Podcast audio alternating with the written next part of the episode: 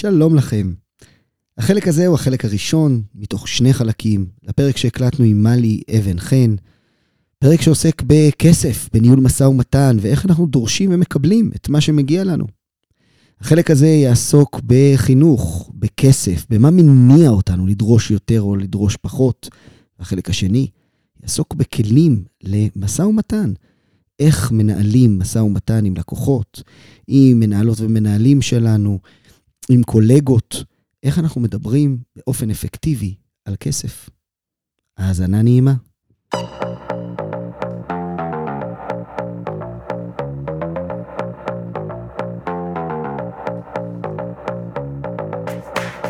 שלום ארי. שלום עוז. שלום גם לכל המאזינים שלנו, ברוכים הבאים לפודקאסט עולם חדש מופלא, מפתחות להצלחה בעולם משתנה. פודקאסט שמיועד להביא לכם את המידע הכי הכי רלוונטי לעולם המטורף והנפלא שבו אנחנו חיים. והיום... והיום, היום נמצאת איתנו מלי אבן חן, שלום מלי. שלום מאוד, שלום שלום, שלום ארי. כיף שאת כאן. כן. שלום, שלום. מלי היא מאמנת בחירה לקריירה, היא מאמנת מנהלים, היא מנחה בקורסי הכשרת מאמנים, ואנחנו עומדים לדבר היום עם מלי על אחד הנושאים החשובים ביותר לדעתי שמשפיעים על כל אדם שמקשיב לנו, וזה כסף. נכון מאוד. כן, אז בוא, בואי נצלול. אנחנו הבאנו אותך כדי לדבר על הנושא הזה, כי בסוף אנחנו נמצאים אה, בעולם של כסף, ואני בטוח ש... אני, אני מניח שלפחות 50 אחוז ממי ששומע אותנו מרגיש שהוא מרוויח הרבה פחות ממה שהוא, ממה שהוא אמור להרוויח. זאת אומרת, אני אמורה להכניס יותר, ובסוף אני שומעת על קולגות ועל קולגות שמרוויחים הרבה יותר ממני. אני חושב שהתופעה הזאת יותר נפוצה אצל uh, נשים, אבל אני חושב שגם לגברים וגם לנשים, הרבה פעמים קשה לנהל משא ומתן uh, על כסף. לדרוש מספיק את הדבר, על הדברים שהם עושים, ולהרבה אנשים זה קושי, זאת בעיה, וזה חלק מהעולם המודרני. גם אם אני שכיר, גם אם אני עצמאי, זה חלק מהחיים. אז אה, לפני שנצלול למגוון הכלים שיש לך בתחום הזה, ואיך מנהלים משא ומתן נכון על כסף, ואיך אנחנו בעצם יודעים לתמחר את עצמנו, להבין כמה אני צריכה לדרוש על הדברים שאני עושה, קודם כל נשאל אותך, איך בכלל את הגעת לעולם הזה? אז uh, האמת שקודם כל עשיתי שינוי קריירה לפני המון המון שנים, uh, אבל הנושא הספציפי הזה של כסף נוגע לי לחיים האישיים. אני לא סתם בחרתי ללוות אנשים בצמתים של קריירה, וללוות אותם בדיוק במצבים הקריטיים האלה, או של אה, דרישת שכר, או ברעיון עבודה שצריכים, או עסקים שאמורים לתמחר את עצמם, כל מי שעסוק בעצם בלדרוש כסף. והסיפור האישי שלי, חזרנו בעצם משליחות, אה, ושנתיים לא פשוטות עברו עלינו, כי בעלי היקר לא מצא עבודה. Mm-hmm. ושנתיים הייתי מפרנסת יחידה. אה, וכסף יכול להרוס משפחות.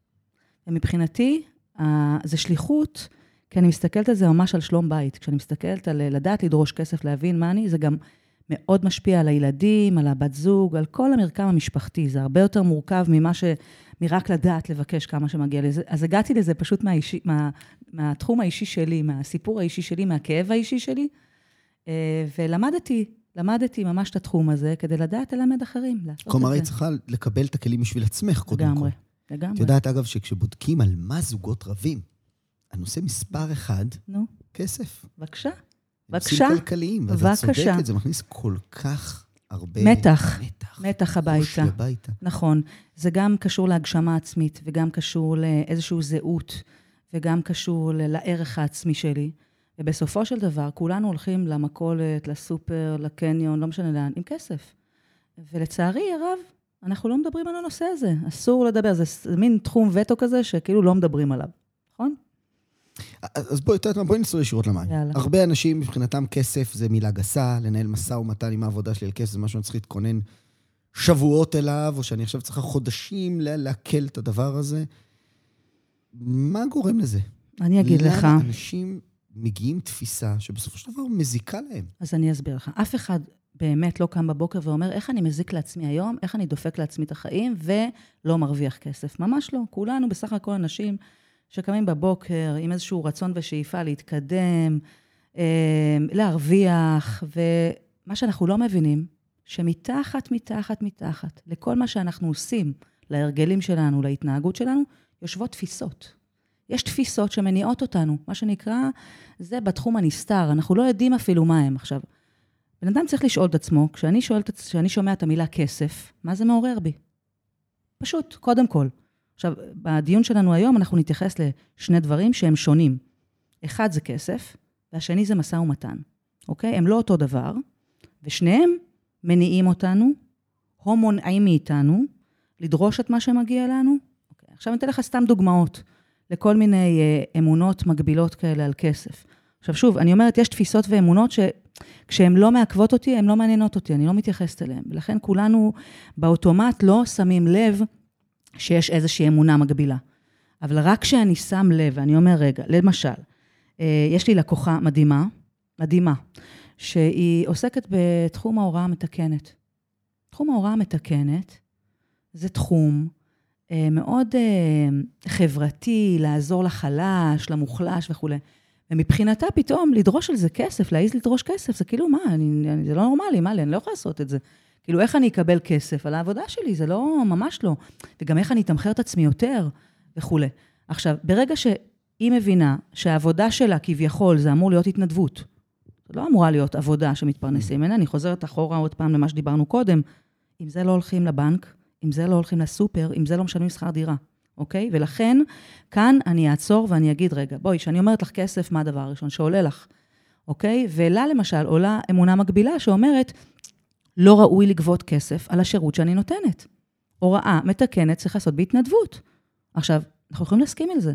עכשיו, אם יש לך אבא עשיר, או קיבלת איזו ירושה טובה, או את ככה יושבת על איזה... את יכולה, בכיף, אבל אם זה לא המציאות שלך, אנחנו צריכים לשנות אותה. וברגע שהיא רק שינתה את האמונה הזאת, יכולנו בכלל לחשוב על שיווק ועל איך מביאים עוד לקוחות, ואיך בעצם דורשים כסף על שירות שאני נותנת, אוקיי? אז כמו שאמרתי בהתחלה, זה לא שאנשים קמים בבוקר ואומרים איך אני דופק את עצמי, אלא הם פשוט מתנהלים מתוך אה, אמונות שלא מקדמות אותם. ככל שנהיה ערים להם, נוכל להתנהל אחרת, נוכל לשנות אותם ולהתנהל אחרת, אוקיי?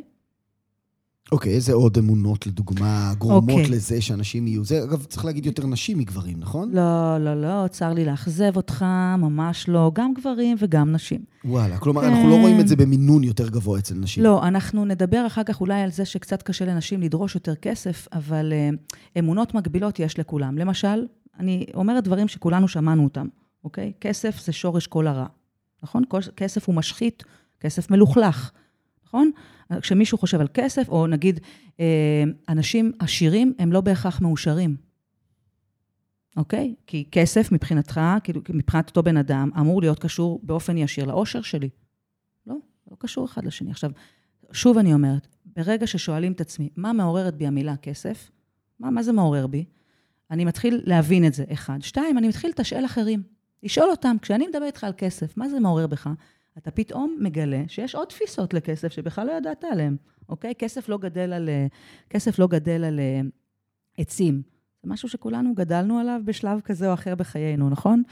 אה, ו, ו, ואז כשכסף לא גדל על עצים, מה, מה התולדה של זה? שצריך לעבוד קשה בשביל כסף, נכון? זה, זה בעצם העניין. כן, אחת האמונות הכי מושרשות, נכון? נכון. שצריך לעבוד קשה קשה בשביל- בשביל להרוויח כסף. בשביל להרוויח כסף. במקום להגיד, צריך שיהיה ממש ממש כיף ממש. בשביל להרוויח הייתה לי, כסף. יש לי, לקוח, הייתה לי לקוחה מדהימה, רופאה, שרצתה ממש להגשים את עצמה. היא מאוד מוערכת בבית חולים, אה, והיא רצתה לצאת לעצמאות, לפתוח קליניקה משלה.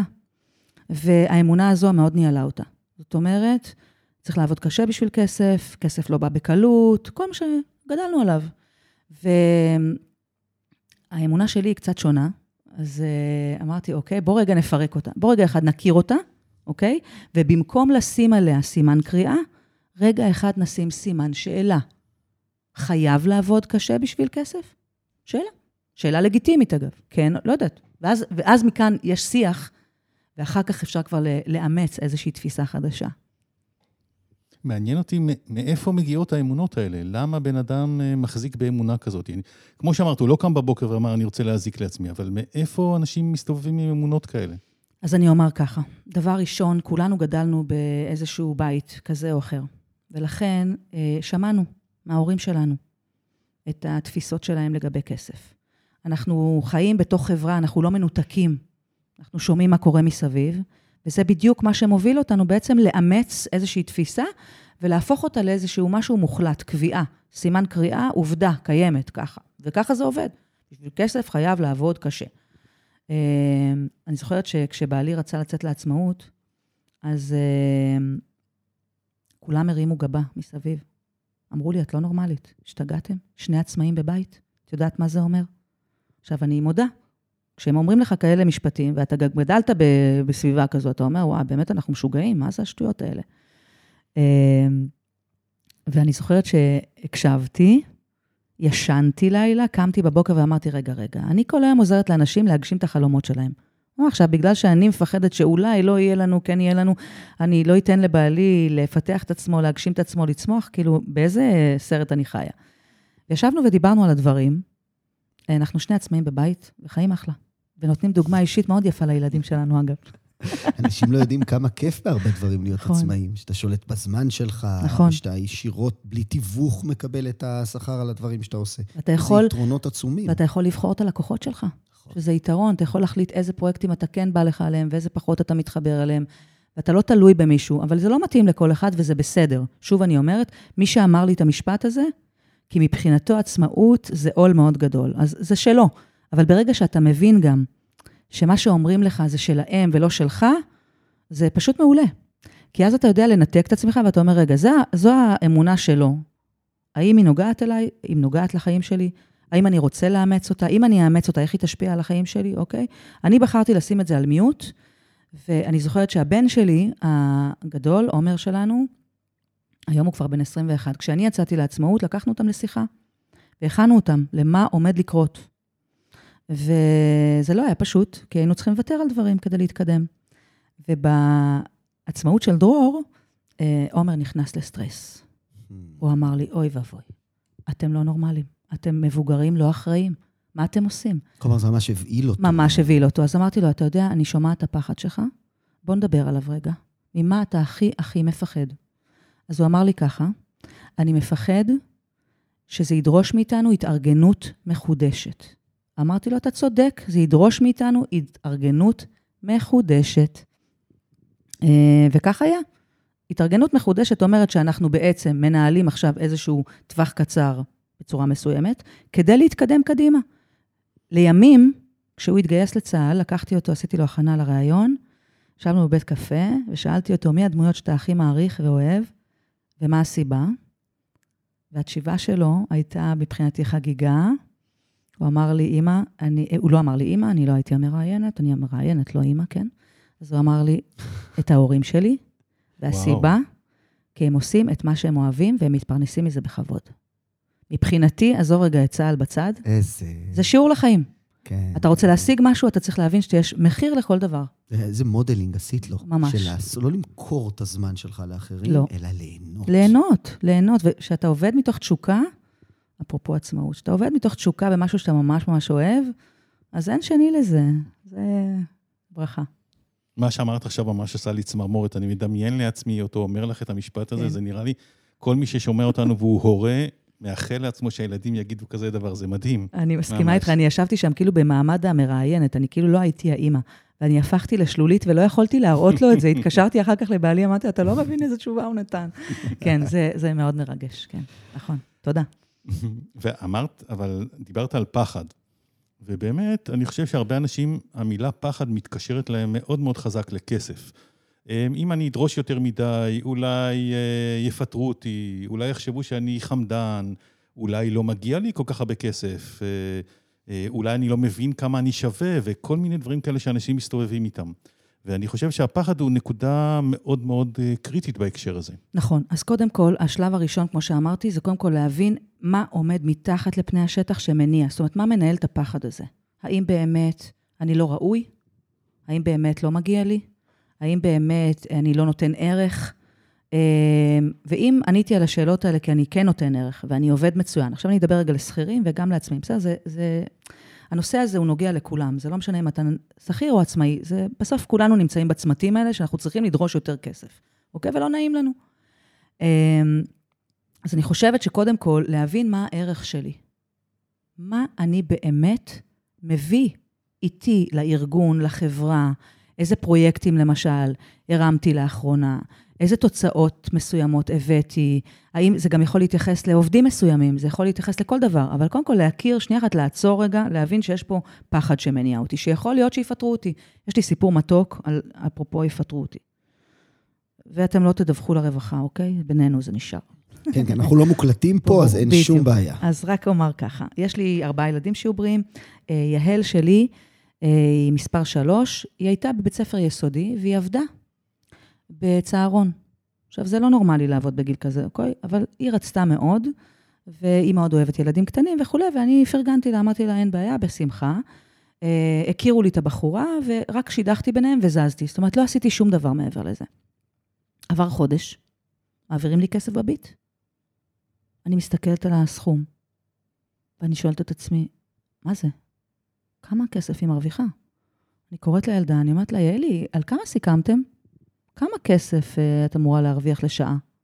אז היא אומרת לי, אני לא יודעת. אני אומרת לה, וכמה שעות עבדת החודש? היא אומרת לי, אני לא יודעת. אני אומרת לה, אין לך רישום? היא אומרת לי, לא. אמרתי לה, אוקיי, את מרשה לי להתערב? את מרשה לי לשאול אותה על מה אנחנו מדברות, כדי שנבין אם זה שווה לך? אמ, והיא הסכימה. היא אמרה לי כן. ואז בא הנושא הזה, ואמרתי לה את זה. אמרתי לה, יעל, תקשיבי, השיחה הזאת יכולה להיגמר בזה שאין יותר עבודה. זאת אומרת, אה, מחודש הבא את יותר לא בצהרון, ואין לך עכשיו אה, עבודה קבועה. זה המחיר. את מוכנה לשלם את המחיר? אז היא אמרה לי, היא התחילה לבכות, והיא אמרה לי, אני אחשוב על זה, תחשבי, תחזרי, חשבה, חזרה, אמרה לי, אוקיי, אני איתך. אמרתי לה, בסדר, הרמתי טלפון לאותה בחורה חמודה. שאלתי אותה, אמ, סתם רוצה לדעת כמה את משלמת, שכר לשעה. והתשובה שלה הפילה אותי מהרגליים, ממש. כאילו, היא לא הבינה פשוט למי היא אומרת את זה. היא אמרה לי, זה לא באמת עבודה. זה יותר להעצים את הנערות.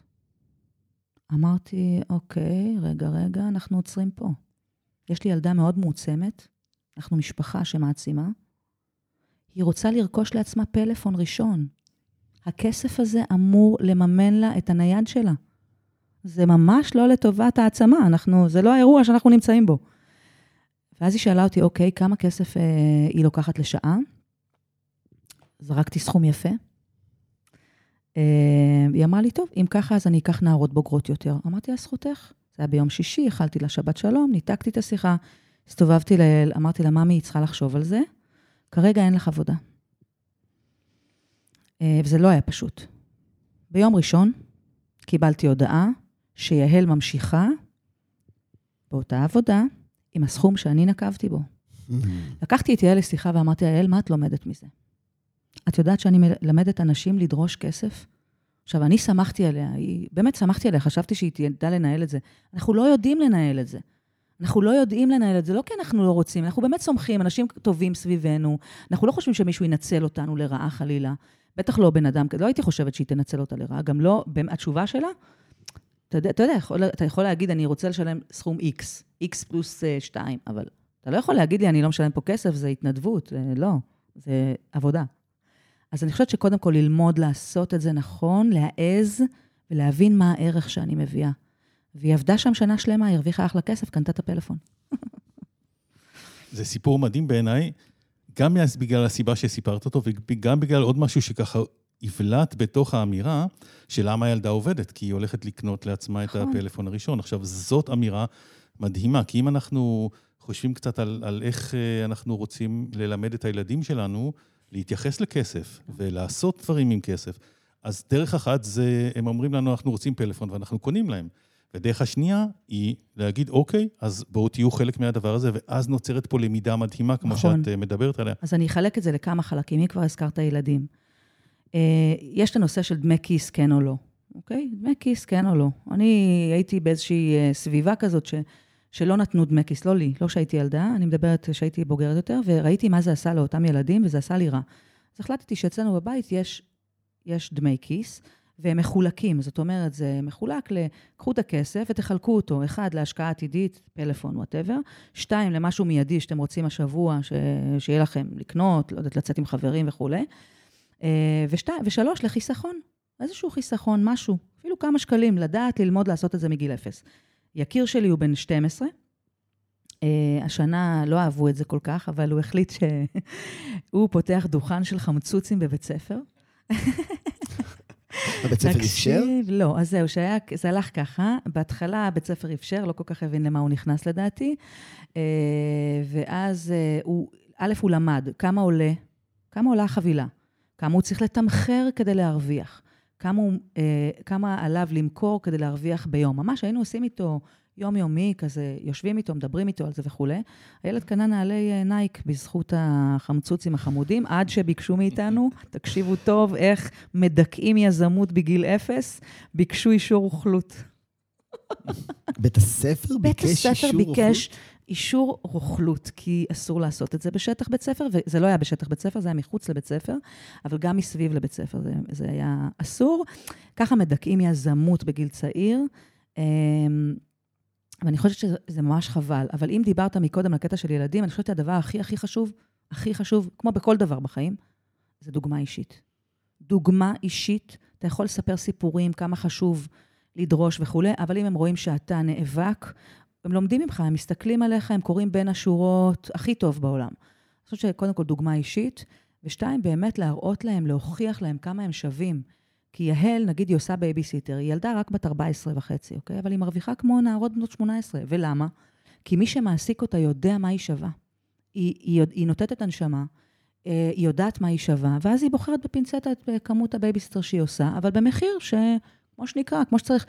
דיברנו מקודם לעבוד קשה בשביל כסף, אז אני מאמינה בדיוק הפוך, אוקיי? לעבוד קל, לעבוד בקלילות, לעבוד בזה, ולהרוויח יותר. להרוויח, לעבוד פחות, להרוויח יותר. אוקיי? לעבוד פחות ולהרוויח יותר, זה הרעיון. אני אקרא אותך חזרה לעולם המבוגרים. יאללה. אני אגיד שקודם תיארת משא ומתן ואמרת כשעושים את זה נכון. נכון. עכשיו, שומעים אותנו אנשים, וחלק מהם מאוד חוששים מהרגע הזה של להגיע יופי. למנהלת שלי עכשיו ולבקש ממנה אה, תוספת בשכר, ואולי זה יצא לו טוב, ואני אראה מאוד חמדן, וזה יראה לו בסדר. נכון. איך, מה, זאת אומרת לעשות את זה נכון? מה זה אומר קונקרטית? אז בואי רגע, בואי נדבר, רגע, עשינו הפרדה, דיברנו עד עכשיו על כסף, אוקיי, ומה האמונה שלי לגבי כסף. בדיוק מה שאמרת עכשיו, זה גם מה מנהל אותי במשא ומתן. כשאני שומע משא ומתן, האם אני שומע מלחמה או אני שומע הזדמנות? אם אני שומע מלחמה, אני נכנס למין מגננה הישרדותית, משהו, בלי לשים לב אפילו. שוב, זה כל כך אוטומטי, שאנחנו לא שמים לב. זאת אומרת, זה דורש מאיתנו רגע לעצור ולהגיד, רגע, אז יפטרו, מה הכי גרוע שיקרה? מה הכי גרוע? יפטרו אותי, לא יודעת, וכולי. אתן לך דוגמה נוספת, נגיד מעולם השכירים המבוגרים, בסדר? Uh, עשיתי הכנה לחברה טובה, לא לקוחה, חברה. Uh, לתפקיד, בתפקיד, ב, נקרא לזה, בתחום הממשלתי, אבל uh, ששם יש אפשרות, בתפקידי אמון, אפשר להרוויח יותר כסף. קטע כזה. יש קטע כזה, שבתפקידי אמון אפשר להרוויח יותר. למה? כי שם הכללים הם שונים. נגיד, יש עובדי מדינה שיש להם מדרג מסוים, תקן וכולי. ואז בתפקיד, בתפקידי אמון זה יותר אמון אפשר זה... להיות גמיש. בדיוק, זה יותר גמיש, שם אתה יכול יותר לדרוש וכולי. בקיצור, אותה חברה באה ואמרה לי, הציעו לי איקס. אני במקרה עובדת עם המשרד הזה, אני, אוקיי, הציעו לי איקס וכו'. אמרתי לה, תקשיבי, יש לי רק בקשה אחת. תחזרי לאותו מנהל שממש צריך אותך, כי הוא צריך אותך, אני מודיעה לך שהוא צריך אותך. ורק תגידי לו ככה, וואו, הייתי במשאבי אנוש, ראיתי את הסכום בחוזה ונדהמתי. מה, זה הסכום? כאילו, בשביל זה אני אעשה את כל הנסיעות האלה יום-יום, ויש שם נסיעות לחו"ל וכו'. רק תשאלי אותו את זה. לא יותר, כלום, שום דבר, רק זה. והיא ככה אומרת לי, אוקיי, הייתה שיחה כזו, חוזרת אליי, אחרי יום היא חוזרת, היא אומרת לי, מה לי? אפרופו מה שאמרת על חמדנות, תראה איך הכל אצלנו בראש. הכל בראש, זה לא באמת קרה במציאות. היא אומרת לי, יואו, הוא יחשוב שאני גרידית, מה הוא יחשוב עליי עכשיו, אלוהים? לא, זה לא נעים לי. אולי אני אתקשר ואני רק אגיד לו שזה בסדר, רק אם הוא יוסיף לי עוד איזה 2,000 שקלים במשכורת, זה יהיה בסדר, מבחינתי. אמרתי לה, לא, אנחנו עכשיו נתנו לו משימה, הוא הלך לעשות שיעורי בית, הוא יחזור עם תשובה. למה את צריכה לקצר לו את התהליך? תני לו לחזור עם תשובה. הוא, קצ... הוא חזר עם תשובה מאוד גבוהה. שאלתי אותה רק שאלה אחת, מה את לומדת על זה? מהמקרה הזה נולד, ה... יש לי הרצאה שנקראת לא תדרשי, אחרים יקבלו. יש עוגה, מחלקים אותה. מחלקים אותה, שוב, אני מדברת על תפקידים ספציפיים מסוימים, אפשר לחלק אותה בצורה מאוד מאוד מסוימת, לפי הדרישה, לפי הערך שאתה מביא לתפקיד. אז אני חושבת שקודם כל להבין שמשא ומתן זה לא מלחמה, זה הזדמנות לשפר קודם כל את התנאי העבודה שלי, לתא, לשפר את תנאי השכר שלי ולשפר את התנאים של החיים שלי. אני, התפילות שלי תמיד, שיהיה לי יותר כסף כדי שיהיה לי יותר לתרום. זו התפילה שלי, באמת, לא כדי שאני אקנה עוד אוטו, עוד... זה לא מעניין אותי. אני רוצה שיהיה לי יותר כסף, כדי שיהיה לי יותר לתרום לאנשים ברווחה, לא במצוקה. אז אני חושבת שקודם כל להבין שמשא ומתן זה הזדמנות נדירה, אה, לשפר את החיים שלנו, את תנאי החיים שלנו, ומכאן השמיים הם הגבול באמת. אז קודם כל לשנות את האמונה לגבי משא ומתן, ואחר כך יש כללים, וכן, צריך להתכונן אליהם. זה היה החלק הראשון. מוזמנים להאזין לחלק השני של השיחה עם מלי אבן חן, חלק שבו היא תדבר על כלים. איך אנחנו מדברים על כסף בצורה אפקטיבית.